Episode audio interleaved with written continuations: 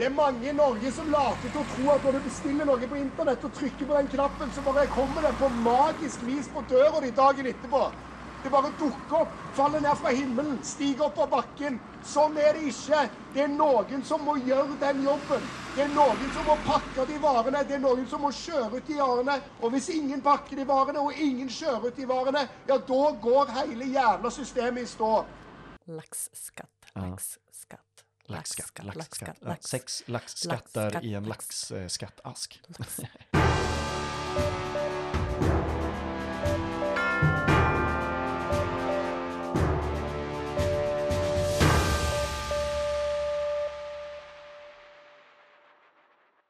Hej och varmt välkomna till Tyckpressen. Tyckpressen är Dagens ETCs ledarpodd om vad som är rätt och riktigt, bra och dåligt, men framför allt kanske om vad som är bra och dålig politik. I studion sitter Max V. Karlsson, jag, och, Katarina Sarasua Mojo. och den här veckan så ska vi prata om vårt långa och glada grannland i väst. Naiva Norge, laxparadiset. Det här är Tyckpressens Norge-special. Och jag är eh, alldeles nyligen eh, hemkommen från tre dagar i Oslo. Eh, jag har inte varit i Norge förut. Har du varit i Norge, Katarina? En gång i Oslo. Eh, jag eh, kan inte jättemycket, eller jag kunde inte jättemycket om Norge innan min vistelse, men jag var där för att tala på en konferens som vi ska prata mer om sen. Och jag kommer tillbaka till Sverige med eh, nya insikter. Som eh, expert. Exakt, nu är jag, exakt, exakt. Jag är Norge-experten rakt av här. Eh, så kill eh, självförtroendet. Att man har varit på en, eh, liksom en plats en gång och Ja. tänker, nu kan jag allt det här. Ehm, jag har eh, eh, behövt eh, vänja mig tillbaka till att prata helt liksom svenska. Ehm, eh, jag, jag märkte väldigt snabbt att jag började säga bara väldig istället för väldigt. De säger ju så, så här, ja det är väldigt kul. Mm. Eh, så jag, jag, tog bort mina ten väldigt snabbt. Det är ju så att man anpassar sig socialt Ja. efter vad man pratar. Väldigt roligt. Eh, och samma där, roligt kan man ju inte heller säga. Nej. Eftersom det betyder lugn. Det är så norska. förvirrande, norska. Men det var, eh, jag har haft en, en väldigt, väldigt bra tid där. Väldigt, väldigt bra. Och det händer massa saker i Norge just nu. Innan vi börjar och pratar om en, en artikel om Norge som du har skrivit Katarina, Mm. så ehm, vill jag eh, eh, lyfta en grej här. Och det är att Norge har majs i allt. Ja, du berättade. I kebab. Ah, Alltså, jag köpte en kebabrulle. Och, och det är för att jag hade lovat en, en vän att ehm, göra en rapport om Norges kebab. Mm. Ehm, min vän sa att det var eh, Europas sämsta kebab. Ah. Ehm, och Norge, ska man inte säga, de är inte jättekända för sin matkultur. Så. Jag, det här är inte en disspodd mot Norge, men, men, men så är det bara. Jag konstaterar bara fakta. Men då har de majs i allt. De har det i kebabrullen.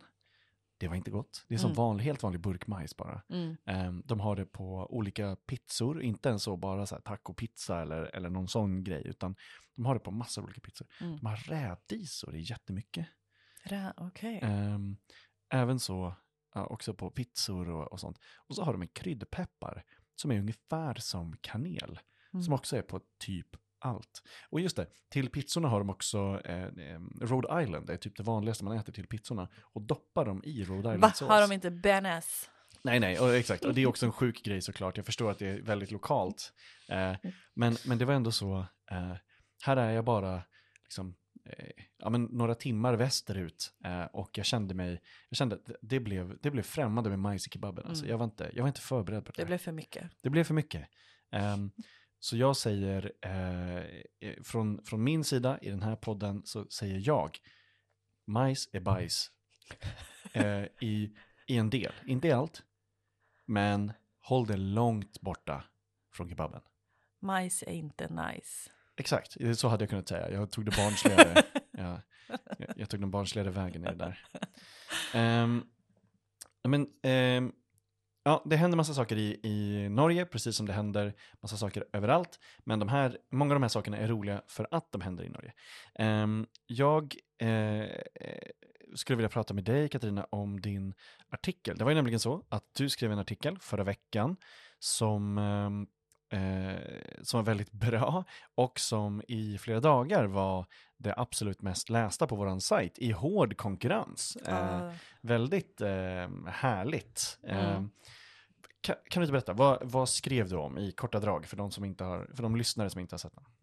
Jo, men jag skrev om... Eh, det var en, en eh, ledarsida eh, som Tryggve Hägnar skrev för... Oh, kommer jag inte ihåg exakt. Finansavisen. Finansavisen, Och, avis betyder ju, det är en eh, tidning på norska. precis. Så Finanstidningen. för några veckor sedan. ehm, där han pratar om det som händer i Fosen, um, vindkraftverken och eh, samerna som har protesterat. Inte bara samerna, utan andra som också stöttar dem. Och eh, rubriken var då att eh, samerna är giriga. Just det, Det, det, var, han hans, där. det var hans slutsats. och han äger tidningen också, eller hur? Ja, han är väldigt rik, Mm.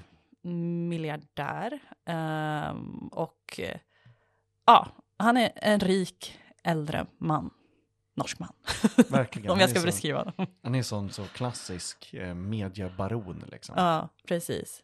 Och så att jag utgick ifrån det och ehm, försökte eh, få svar från honom, försökte intervjua honom. Men han tyckte att eh, mina frågor var för oseriösa. Ja, så här står det i texten då. Um, han skriver, eh, vi kan inte låta samerna härja hos oss. Och då när Katarina kontaktar Tryggve eh, för att fråga om den här ledartexten och responsen efter publicering blir svaret väldigt kort. Citat, detta är för oseriöst att svara på. Slutcitat. Eh, fast på norska då. Um, Ja men precis, och sen så eh, pratade du också då med några andra röster. Eh, du pratade med Sandra Marja West från det norska sametinget. Um, och eh, även då eh, en forskare, Peter Stor, som eh, har forskat om eh, urfolks eh, rättigheter och mäns hälsa. Eh, och det här blev ju väldigt eh, intressant. Men eh, den, det här är ju så en klassisk konflikt, så här, rättigheter versus kapitalet egentligen. Ehm, vad var det, var det något som överraskade dig när du, när du researchade det här och när du pratade med de här personerna? Mm. Ja, det som jag ville lyfta mer var just hur man pratar om sådana här saker. Eh, vilka ord man använder, hur Mm. man pratar om urfolk. I det här fallet samer. Så att själva, själva konflikten om vindkraftverken, det är något som de flesta kanske redan vet om och så. Um, Och den är också kanske lite tydligare. Alltså språkbruket kan ju vara mer subtilt eller så att vissa inte fattar problemet med uh, liksom, vad, vissa kanske inte fattar att det är ett problem att beskriva samer i grupp som giriga och liksom det rasistiska i Mm, det. Mm, precis. Ja, exakt. Att det är så här, men vadå, det är väl inget Mm. folk kan vara giriga, vem som Mm. helst kan vara girig. Men eh, just när man pratar om samer i det här fallet så får det en helt annan liksom, ehm, ja, konsekvenser. Det får andra Mm. konsekvenser och späder bara på då alla fördomar och, och rasism. Men det är också en, det är ännu roligare att det är miljardär i Norge som säger det här. Alltså, det är, ju- ingen blir ju miljardär bara på eget bevåg, utan det är ju Mm. liksom andra som har skapat det värdet åt dig. Mm. Eh, eh, och och eh, det är så himla intressant med någon som är liksom, eh, eh, om man går över lik för de här pengarna, eh, som liksom, eh, eh, och sen kallar andra giriga för att de vill bevaka sina rättigheter. Alltså, Mm. men, men det är också intressant för att han kallar dem giriga, men det är inte som att samerna tjänar särskilt mycket på den här konflikten. Nej, Så här, exakt. det är inte som att de medvetet så här, eh, ja nu gör vi oss, eh, så här, vi, vi tar strid för det här, vi vet att vi kommer bli beskrivna som skurkar, som fiender i massor av liksom, medier, eh, vi vet att vi kommer bli en måltavla för liksom, eh, ytterhöger och, och så. Alltså, de gör ju det här, tycker de då, för sina rättigheter, inte för att de liksom tjänar på det. Nej, inte för att tjäna pengar, nej. Och det är marknadslogiken då, men det är ju den som Tryggve representerar. Mm. Alltså han representerar ju den, det, det kalla, eh, det ekonomiska värdet bara. Eh, Mm. Det måste gå före allt annat mänskligt. Eh, som att det vore en naturlag, att det Mm. måste gå till på det sättet. Mm. Eh, jag tycker det var väldigt roligt. Och sen är det liksom, det är ju tre perfekta eh, ETC-grejer. Alltså att det är en, en, liksom, en miljardär, rasism och vindkraft. Det är, det är en Mm. unik trio. Mm. vad tar du med dig från när du pratade med de intervjupersoner som du pratade med? Mm. Det jag tar med mig är att eh, vi behöver mer forskning och kunskap. Alltså även i Sverige. Eh, om urfolken, om samer i Smerie. Just det, Det det, något- det Peter lyfte lite av det också där. Ja, Ehm, att han sa att det fanns, ehm, eh, att, det, att det finns eh, begränsad forskning, ehm, eh, men då att eh, mycket av det här, eh, framförallt kunskap och forskning om rasismen som samer utsätts för i Sverige, eh, saknas då, och att det är eh, eh, anledningen till det, eller en anledning till det säger han då, är att det saknas institutioner som själva producerar då systematiserad kunskap om det. Alltså att det är väldigt lätt att hitta personcase eller någon personlig upplevelse, men att det Mm. inte finns den liksom systematiserade kunskapsinsamlandet om Mm. det. ja och att rasism inte bara är glåpord utan att det kan ske på flera olika nivåer.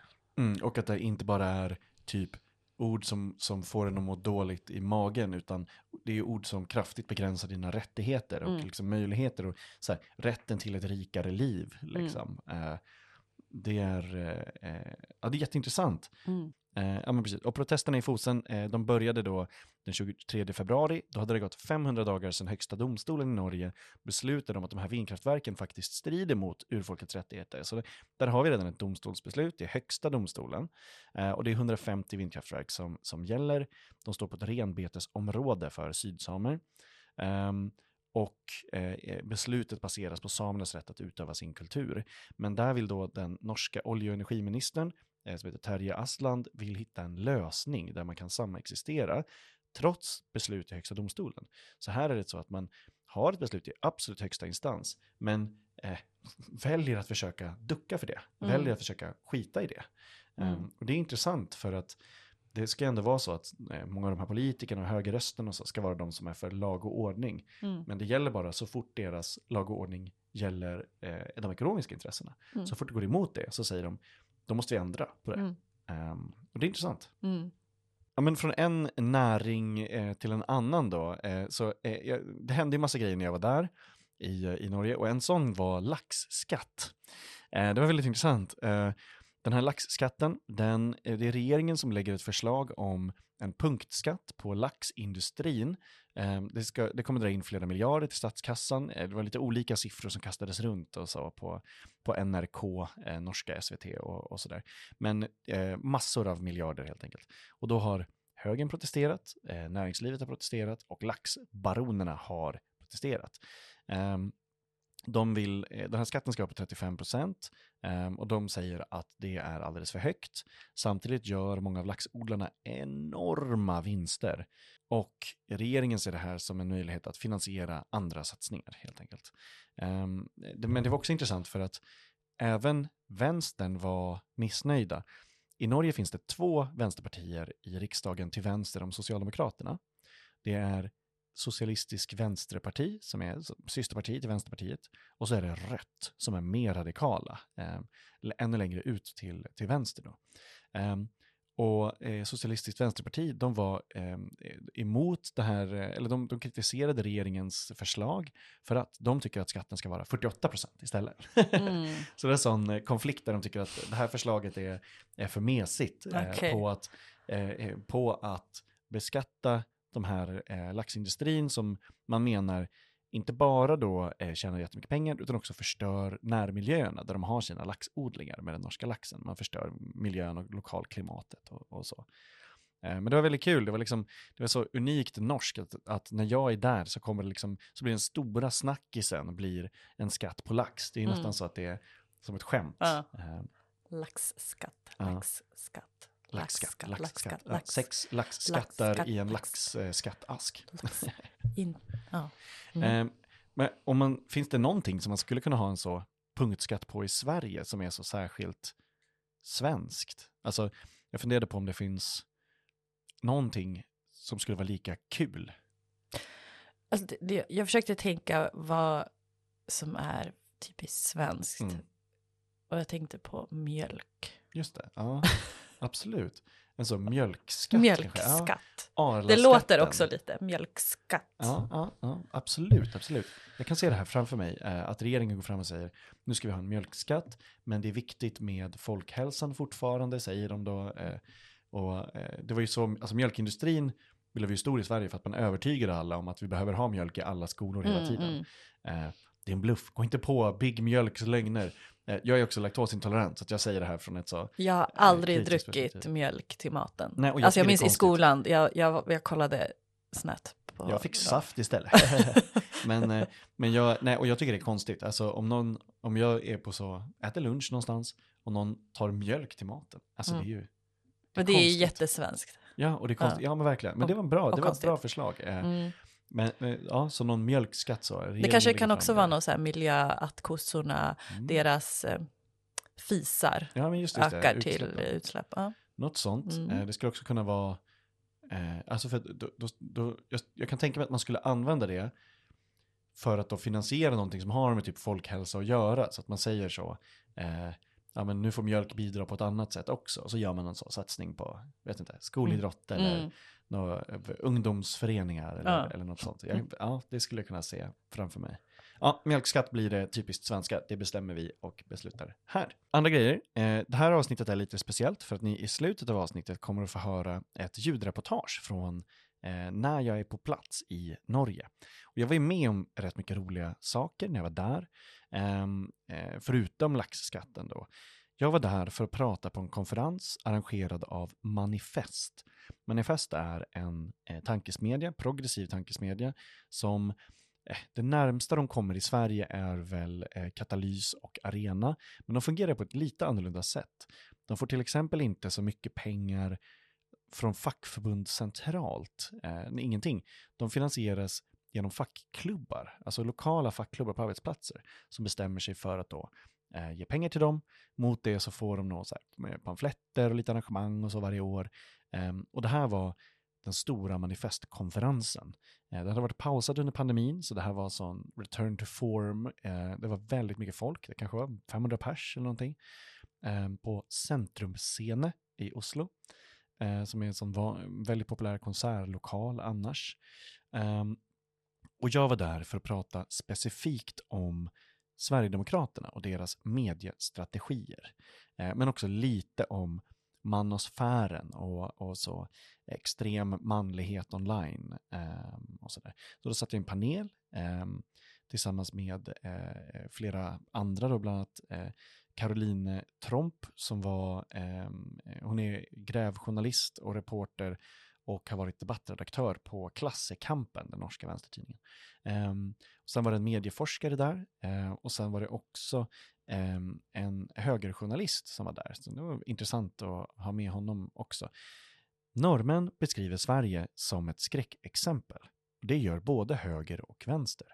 Höger säger att det typ är inbördeskrig på grund av invandring och det är liksom så extremt mycket så rasistiska undertoner i det. Att man säger att det liksom har gått under mer eller mindre, trots att det är så här, ett av världens bästa länder att leva i såklart. Eh, men de, de pratar fortfarande om det svenska tillståndet, alltså hur illa det är i Sverige jämfört med andra nordiska länder.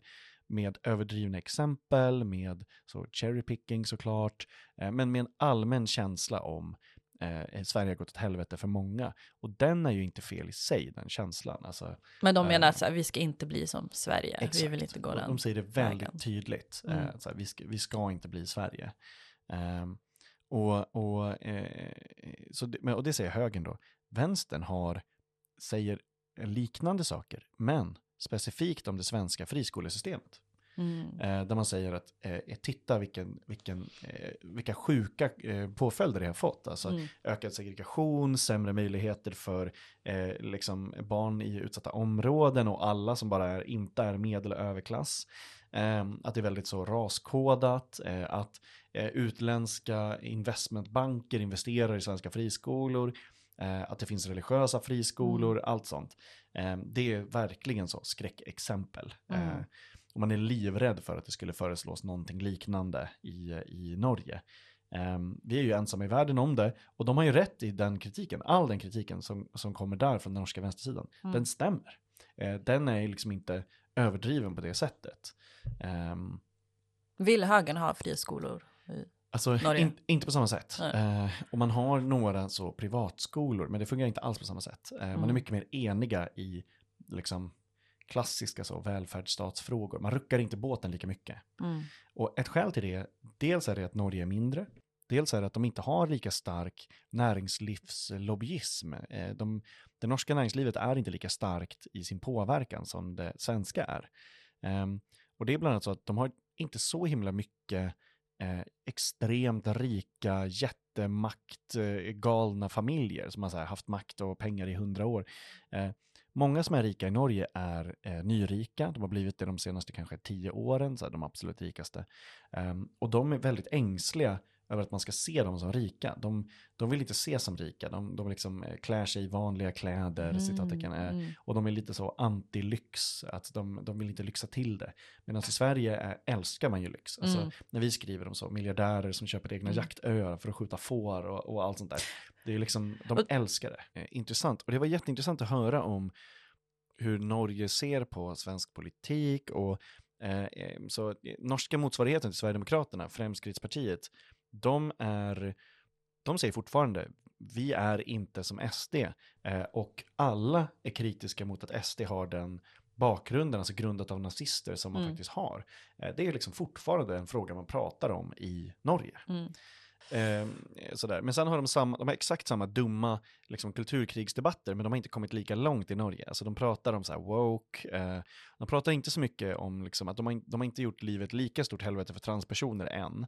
Eh, I Sverige så är det ju Mm. liksom, transpaniken är ju sinnessjuk eh, och, och väldigt, väldigt skadlig.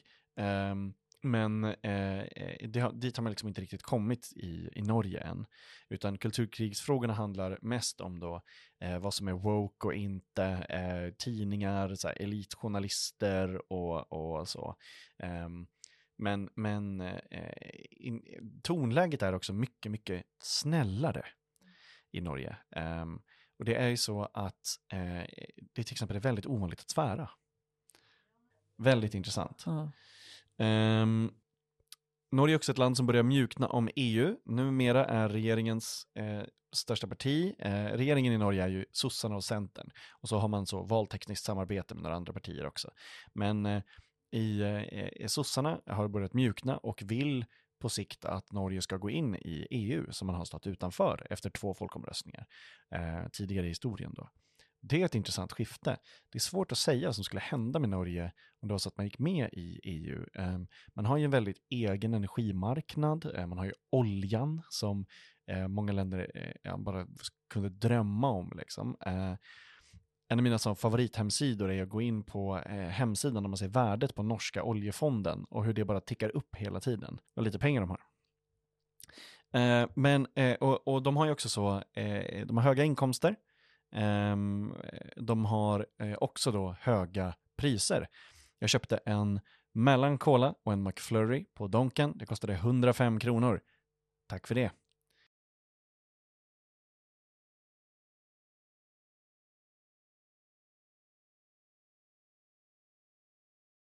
Tanken var också att jag, eh, vi skulle äta brunost Ja. här i podden. Men eh, jag misslyckades i, mitt, eh, i min inhandling av, av brunosten. Jag tänkte att vi skulle äta den live här, men det får bli ett annat avsnitt. Eh, Mm. Ja, så här, nästa live-avsnitt, då lovar jag ha med brunost. Oavsett om du kan vara med eller inte Katarina, så kommer Mm. jag äta brunost då. Mm. Brunost är en norsk hårdost som eh, i smaken liknar lite som eh, dulce de leche, alltså sån... Eh, Dulce de leche. leche, tack, jag bara slaktade uttalet.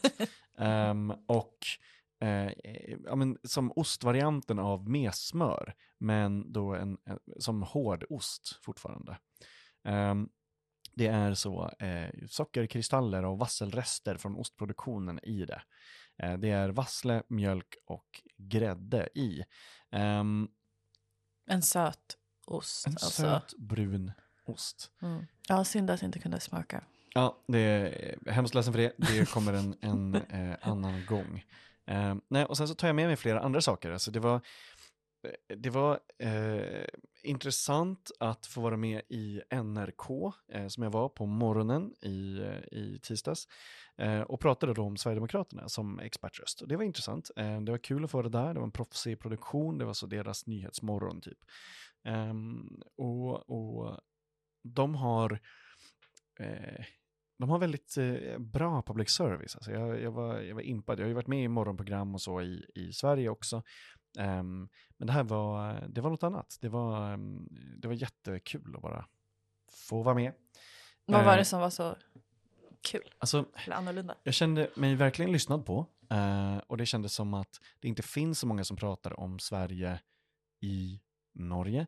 Det finns ju inga som pratar om Norge i Sverige. Så, Mm. eh, men men eh, de var så genuint intresserade av att lyssna på utvecklingen ehm, och på strategierna som har gjort att Sverigedemokraterna är ett av de mest framgångsrika politiska partierna i Europa någonsin. Mm. Eh, från så eh, obskyrt miniparti till näst största parti och skälet till varför regeringen sitter där den sitter. Mm. Ja, det har gått fort. Det har gått fort och de har nått sina, de har sina målgrupper. Ehm, jag pratar också om att könsgapet mellan väljare har ökat väldigt mycket så att eh, kvinnor går mycket mer åt vänster och, och både så rödgrönt medan män går mycket mer åt höger. Ehm, M och SD framförallt. Men så, eh, alltså det var, det var kul. Ehm, jag pratade också med så en, eh, jag besökte eh, lite olika ställen. Jag eh, besökte en, den typ största startup-hubben med så café i Oslo. Mm. För att jag ville se den andra sidan av liksom det lyxiga eh, eh, och lite mer rika eh, biten då. Mm. Inte bara så, så här, Folkets hus-scener. Ehm, och det första som händer när jag kommer in där, det var väldigt roligt, det första som händer, det var att jag träffade på ett gäng svenskar. De Mm. första svenskarna jag träffade på i hela Oslo. Det är ett gäng IT-killar som sitter på en så dyrt startup-café. Eh, det var jätteroligt när det hände. Ehm, och direkt därifrån gick jag sen och fick en liten tur av eh, ett eh, så anarkistiskt bokcafé eh, som var jätte, jättetrevligt. Mm. Jag, kan, eh, jag kan rekommendera att man eh, drar dit. Eh, det heter alltså eh, Anarres bokcafé och det är öppet två dagar i veckan. Ehm, och det är så, lite autonom vänster, eh, säljer böcker, har klistermärken. Ehm, men, men nu har de en fast lokal eh, i, i centrala Oslo. Ehm, och det var jättetrevligt att vara där. De hade så, eh, allt som man behöver i, på ett så anarkistiskt bokcafé i, i källaren. De hade en storformatsprinter för stora affischer och de hade en nödutgång ifall de blev attackerade. Det är, liksom, det, det är verkligen så eh, klassiskt. Ehm, Ja, nice. Ja, och det var jättetrevligt. Och de som hade den är ett, ett riktigt toppengäng. Um, riktigt, riktigt toppengäng. Um, med det sagt så säger vi hej då från studion och så släpper vi över till eh, mig själv eh, när jag står i Oslo och pratar med strejkande lagerarbetare. Hej då! Hej då!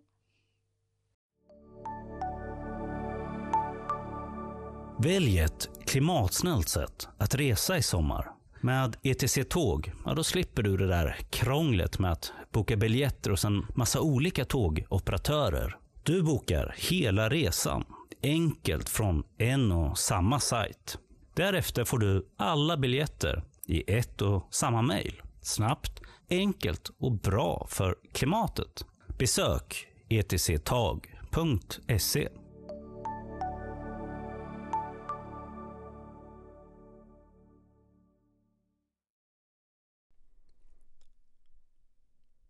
Klockan är fyra på morgonen. Jag ska till Oslo med det tidiga tåget.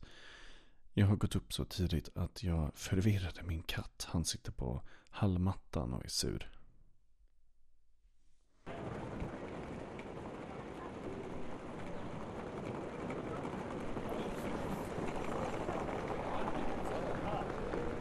Nu är jag på stationen i Oslo och jag ska ta mig till Centrumscene där några från tankesmedjan Manifest väntar.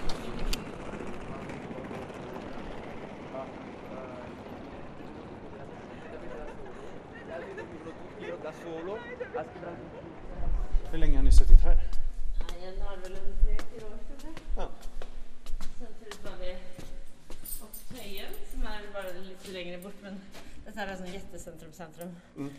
Men så, förut det så var vi ved Følgehamn. Ingrid Värjeland är kommunikationschef på Manifest. Vi tar trappan upp och går rakt in i en poddstudio.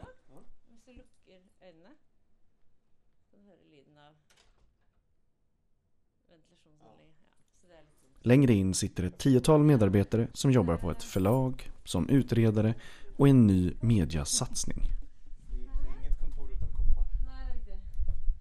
Så her eh, sitter forlaget. De har du hilst på. Elise vet jeg ikke- ikke kommer. Daniel, kan du hende han kommer til? Du kan få Elise vad schysst. Manifest arrangerar en konferens som heter Manifestkonferensen. Och jag var inbjuden för att prata om Sverigedemokraternas mediestrategier och i synnerhet deras egna propagandakanal Riks. Jag delade panel med medieforskaren Paul Bjerke, författaren och journalisten Caroline Tromp, som bland annat jobbar på norska Klassekampen, och högerjournalisten Espen Teigen med bakgrund som spindoktor och PR-person åt Fremskrittspartiets Sylvi Listhaug. Rubriken för samtalet var Ytterhögerns appell till de osynliga och det kom mest att handla om mäns nätvanor och nätskador.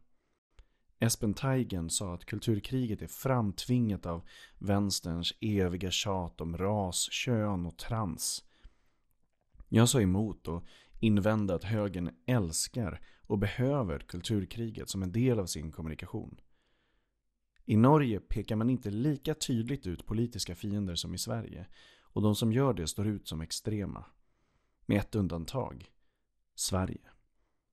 Sverige är ett skräckexempel över hela det politiska spektrat i Norge. För högern är motståndet mot det svenska tillståndet en central punkt och man pratar ibland som att Sverige vore i ständigt krig eller förlorat. Det är raskodat och ibland explicit att det handlar om invandring och naiva politiker. Kraftiga överdrifter håller elden levande. För vänstern är det istället friskolorna som skrämmer. Det svenska friskolesystemet beskrivs i nästan apokalyptiska termer och med förvåning. Hur kan riskkapitalbolagen få göra så stora vinster på skolbarn och skattepengar? Svenska miljardärer beskrivs som tydligare skurkfigurer och bättre politiska fiender än några norska motsvarigheter.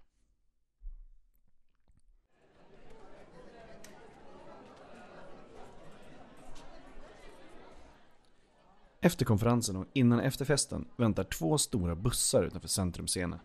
Manifest skickar iväg de hundratals deltagarna till ett lager, 360 Logistics, strax utanför stadskärnan. Där hålls en solidaritetsmanifestation. Lagerklubben och de mestadels unga och invandrade arbetarna har strejkat i snart 50 dagar för att få till ett kollektivavtal. Eller tariffavtal som det heter på norska. Det är 10 minusgrader utomhus när strejkvakterna, aktiva från andra fackförbund och en riksdagsledamot från Rött håller tal. Talare avbryts när förbipasserande bilar och lastbilar tutar. De har läst och följer instruktionerna på den stora skylten med texten Tut får tariff och Tut får oss.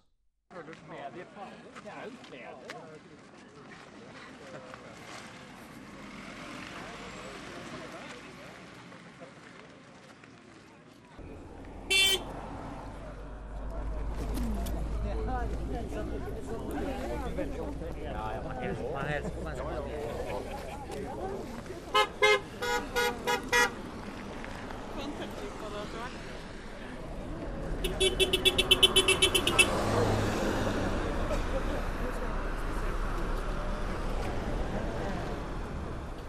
eneste vi ønsker, er logistikklønn for logistikkarbeidere.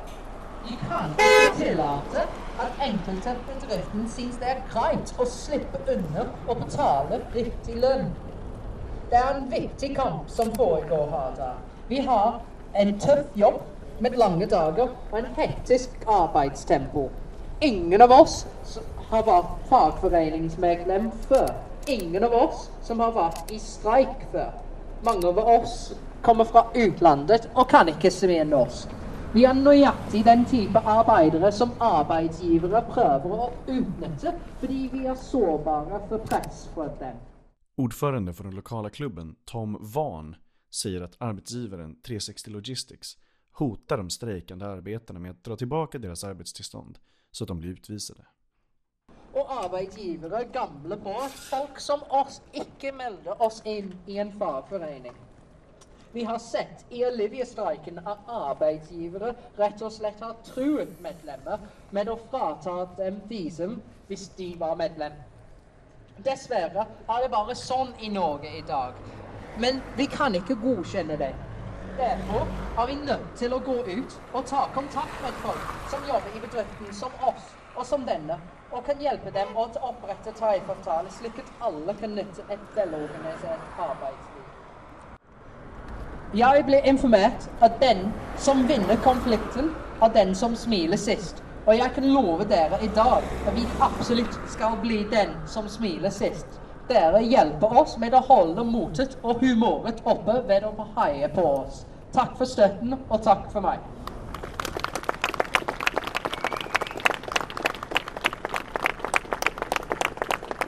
Det er en skam at vi fortsatt står her om må streike for en tariffavtale. Og det er en skam for 360 Logistics, og det er en skam for Arbeidsgiverforeninga Spekter. De skjemmer seg ut sjøl. Tariffavtalen er bærebjelken i det norske arbeidslivet, men det fordrer at vi inngår en riktig tariffavtale med rettferdige arbeidsvilkår på linje med andre i samme bransje. Det Vi er ikke et sånt land som tolererar en sån hållning.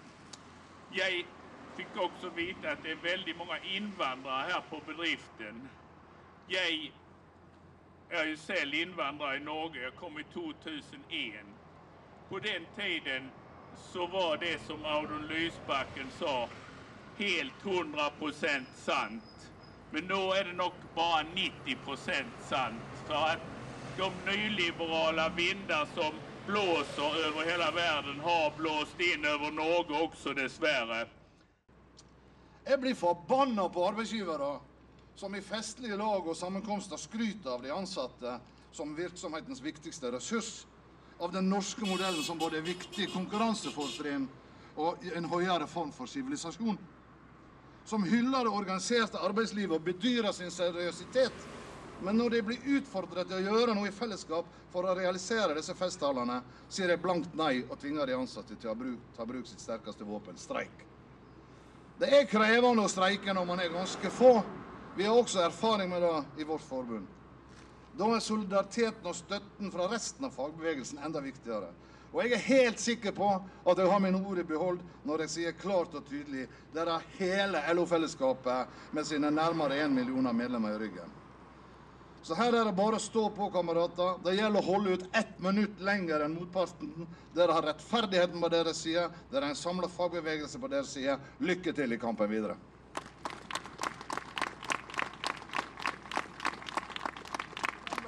Og det denne streiken bl.a. handler om, det er at vi kan ikke være et samfunn bare av milliardærer og influensere. Vi må òg være et samfunn der noen pakker varene, og noen kjører de ut. Og da fortjener de som gjør den jobben, en anstendig lønn, skikkelige arbeidsvilkår og bli behandla med respekt av jobben der de jobber. Og det er det denne kampen handler om. Vi har sagt her tidlig at, eh, av de som, av klubblederen at eh, han var glad for all støtten han fikk, og takknemlig for at vi var her.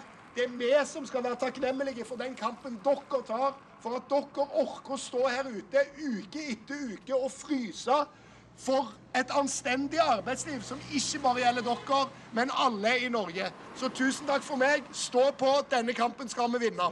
Vem är du och varför står ni här i kylan i mars? Ja, eh, nei, jeg, Rebekka, er jo tillitsvalgt, også sammen med Tom, som du sikkert møtte der nede i stad. Eh, I tillegg så har vi også Jennifer, som også er tillitsvalgt, så vi er jo tre tillitsvalgte, da.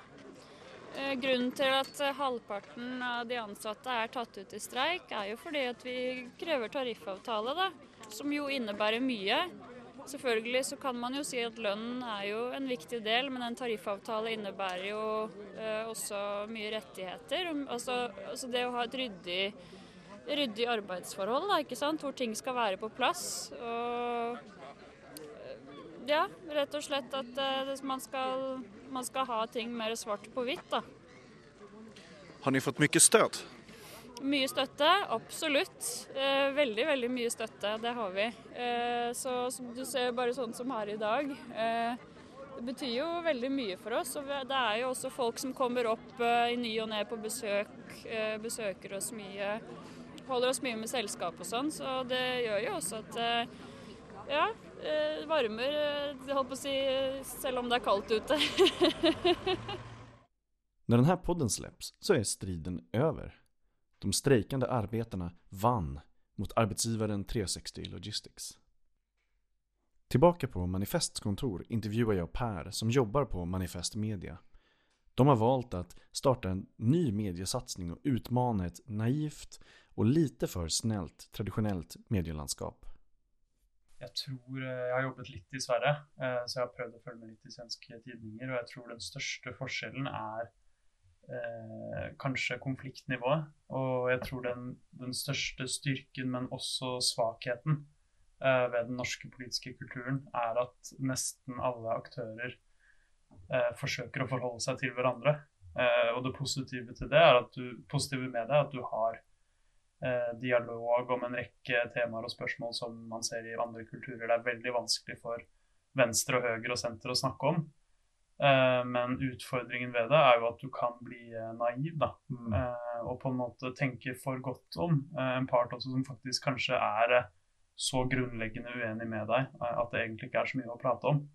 Eh, Det fins en eh, polsk akademiker som har bodd i Norge i mange år, som heter Nina Vitosek, og hun sier at nordmenn eh, Nordmenn sliter med å forstå eh, ondskap. Og ondskap er et stort ord, men jeg syns det er godt sagt allikevel. For jeg tror nordmenn kan slite med å forstå at noen faktisk eh, i noen tilfeller ikke vil deg vel. Eller ikke ønsker å, å videreføre demokratiet, f.eks. Ja, och, och så eh, icke vill, ja, men inte vill ha, att vissa grupper ska ha det väl, alltså särskilda, eh, ja, ehm, och eh, att det kan, ehm, jag tänker också att om, om det är så att man är så överens eller så kompisar, då döljer det också till exempel klass eh, och det, det gör att man blir mer lika. Men då kan man ju inte ha politisk oenighet. Eller, så politiska systemet bygger på olika viljor, olika principer, olika prioriteringar. Ehm, men är det så här mellan medier också? Är de också väldigt eniga eh, och liksom eh, centrerade eller finns det någon spridning där? Eh, det finns noe spredning, men jag tror det finns mindre spredning här än i Sverige och i många andra land. Så du har eh, nästan alla de största medierna har en slags nøytral sentrumsposisjon, som egentlig da tar en rekke eh, ja, liberale konsensuser da, for gitt, eh, og tar utgangspunkt med de som om de er eh, nøytrale. Så ja, det finnes på en måte ideologiske motsetninger som kan bli usynlige da, i et sånt, eh, og interessemotsetninger som kan bli usynlige i et sånt medielandskap. Og der er igjen kanskje en styrke da, at Norge oppleves også som et Det er et ganske lite land. Eh, så jeg tror fra du eh, For eksempel så Det finnes det største debattprogrammet på NRK, da, Norges eh, SVT. Eh, de leter etter deltakere i debatter på Facebook. Så de kan invitere en person som aldri har ytret noe i offentligheten, utover et Facebook-innlegg. Så det, det fins en annen dimensjon ved den norske offentligheten som er faktisk veldig demokratisk. Da, I at veien fra eh, et Facebook-innlegg til eh, det største debattprogrammet tror jeg er mye kortere her enn i mange andre land. Man skulle aldrig göra det i Sverige. Nej. Aldrig. Utan man skulle ha samma panel med samma så, eh, profiler som har gjort det hur många gånger som helst Ja. och som redan känner varandra och går på samma eh, ställen och restauranger och, och bor i samma områden. Eh, man skulle aldrig ta någon bara, bara sådär eh, i, i debattprogram. Aldrig. Men det er jo de aller fleste som er på debatt i Norge òg, er akkurat den type mennesker du beskriver. Men jeg tror allikevel at eh, den opplevde nærheten da, til offentligheten kan være mindre eh, for mange i Norge enn i mange andre land. Jo, at det der med å tro godt om hverandre har jo også en veldig positiv dimensjon. Fordi som eh, på konferansen du var med på i går, så så vi jo at ehm, ungdomsbevegelsen til mil... Jeg må bare snakke på norsk, jeg prøver å svorske, men det funker jo, det funker jo ikke. At uh, Natur og Ungdom, som er uh, ungdomsbevegelsen uh, til natur... miljøbevegelsen mm. i Norge, at Natur og Ungdom og en, en, organisasjon som heter Industriaksjonen, som er industriarbeidere fra hele landet, Eh, de pleier jo å være på en måte på hver sin side av alle eh, diskusjoner som handler om miljøvern. Men eh, gjennom et initiativ fra Manifest da, har de gruppene over tid møttes mange ganger. De har besøkt hverandre. Og nå har de funnet fram til en felles plattform hvor de stiller krav til regjeringen om hvordan man kan få til en grønn mm. industripolitikk. Ti krav. Krav. Og, og det syns jeg er et litt sånn for å få til noe sånt må du på en eller annen måte være litt naiv. Fordi begge de gruppene, eh, hvis de kun skulle tenke kynisk om det, ville de tenkt at nei, de andre der, de har ingenting å prate om. De, det er ingenting jeg skal prate med de om. Vi har ingenting til felles. Men så hadde de faktisk en rekke ting de kunne bli enige om. Det syns jeg var ganske imponerende da, av begge. At de hadde brukt så mye tid, eh, hatt tro på at det eh, hadde en verdi, og faktisk eh, funnet fram til noe. Mellan öl, norska kebabrullar som oförlåtligt nog har majs i sig, och kaffe sitter jag med på diskussioner och möten. En person säger att norrmännen är naiva och glada. En annan kallar konsekvent näringslivet för täringslivet. Många ställer frågor om Sverigedemokraterna, om rasismen i Sverige och om högersvängen i politiken i stort.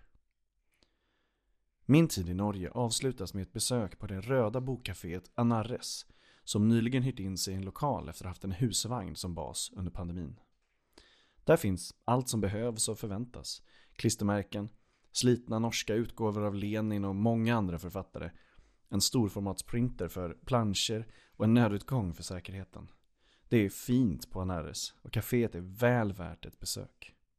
Att lämna det svenska tillståndet var den här gången både inspirerande och roligt. Visste du att 90% av medierna i Sverige är borgerliga?